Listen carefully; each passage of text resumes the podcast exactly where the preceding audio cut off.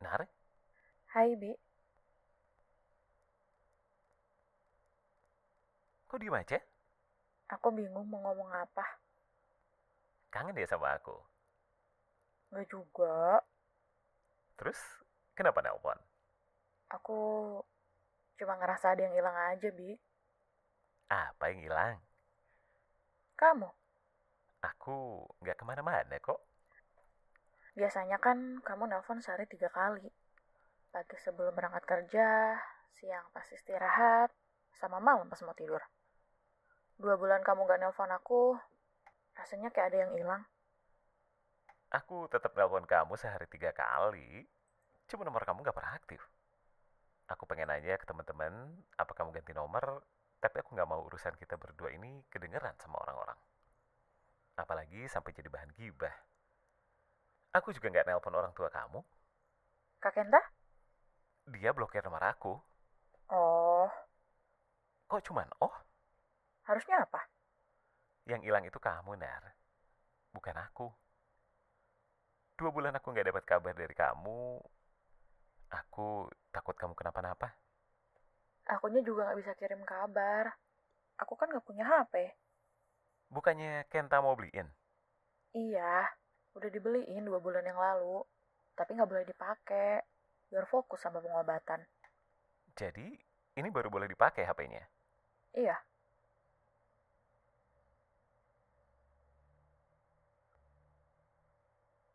Nar, soal obrolan kita yang terakhir, gak usah dibahas ya, Bi.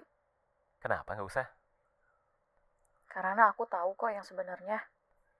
Aku cuma pura-pura minta putus aja. Apa? Pura-pura minta putus? Emang ada apa? Mau ngasih kejutan? Kok sampai dua bulan nggak ada apa-apa? Pas pulang dari rumah sakit, aku dapat kabar dari temanku. Dia lihat acara makan-makan kantor kamu waktu itu. Dan dia bilang kalau dia nggak nyangka kamu bisa segalak itu sama Mita. Terus, kenapa kamu malah jahilin aku? Sebelum kamu nelfon itu, Kak Kenta bilang kalau Kak Kenta mau ke sana. Ada urusan. Kesana kemana? Ke kosan kamu, Bi. Ke kosan aku. Ngapain? Kak Kenta nggak jawab pas aku tanya. Dia cuma nanya aku mau ikut apa enggak. Jadi, ya aku pura-pura minta putus aja. Mau ngasih kejutan kalau besoknya aku mau ke kosan kamu. Terus kenapa nggak jadi kesini? Kak Kenta mendadak ada urusan di Bogor.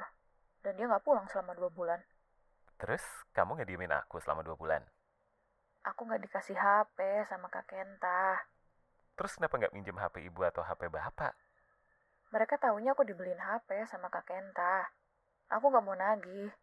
Sejak kerja, aku berusaha buat gak minta apapun meski sebenarnya emang butuh. Terus, kita nggak minta maaf gitu, nggak jadi ngajak kamu kesini. Kak Kenta janji ngajak aku ke sana sepulangnya dia dari Bogor. Kapan dia pulang? Tadi malam. Terus kapan kamu kesini? Aku udah sampai kok 10 menit yang lalu.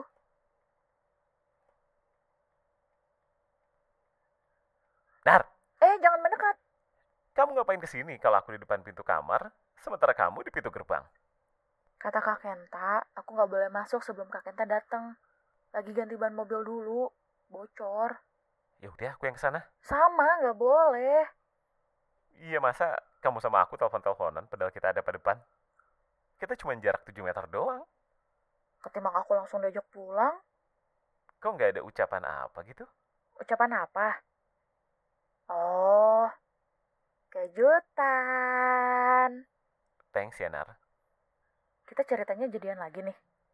Kan putusnya juga cuma pura-pura. Nggak mulai dari nol. Enggak dong. Emang kita ngisi bensin? Sebagai permintaan maaf, aku bakal nelfon kamu duluan setiap hari selama sebulan. Anggap aja, Nar 30 hari menelpon Bi. Mau bercerita, mau bersuara, mau ada apa-apa, bilang sama Bi. Panggilan macam apa dulu nih? Tumben amat mau telepon duluan. Nggak takut malah telepon bapak aku lagi. Enggak dong, kan udah di rename. Jadi apa? Rahasia. Kalau ada apa-apa, kakak di atas ya. Ngapain di atas? Kan kamarnya Kak Fajar di bawah. Ada urusan. Aku tahu kakak kamu ada urusan apa di atas. Emang di atas ada apa sih? Gak usah perhatiin yang ada di atas. Lu perhatiin aku aja. Pengen banget diperhatiin. Aku tuh satu meter di depan kamu. Ini masa masih telepon-teleponan? Ya udah matiin. Kamu aja yang matiin. Kamu aja. Udah, ayo masuk ah. Ribet amat.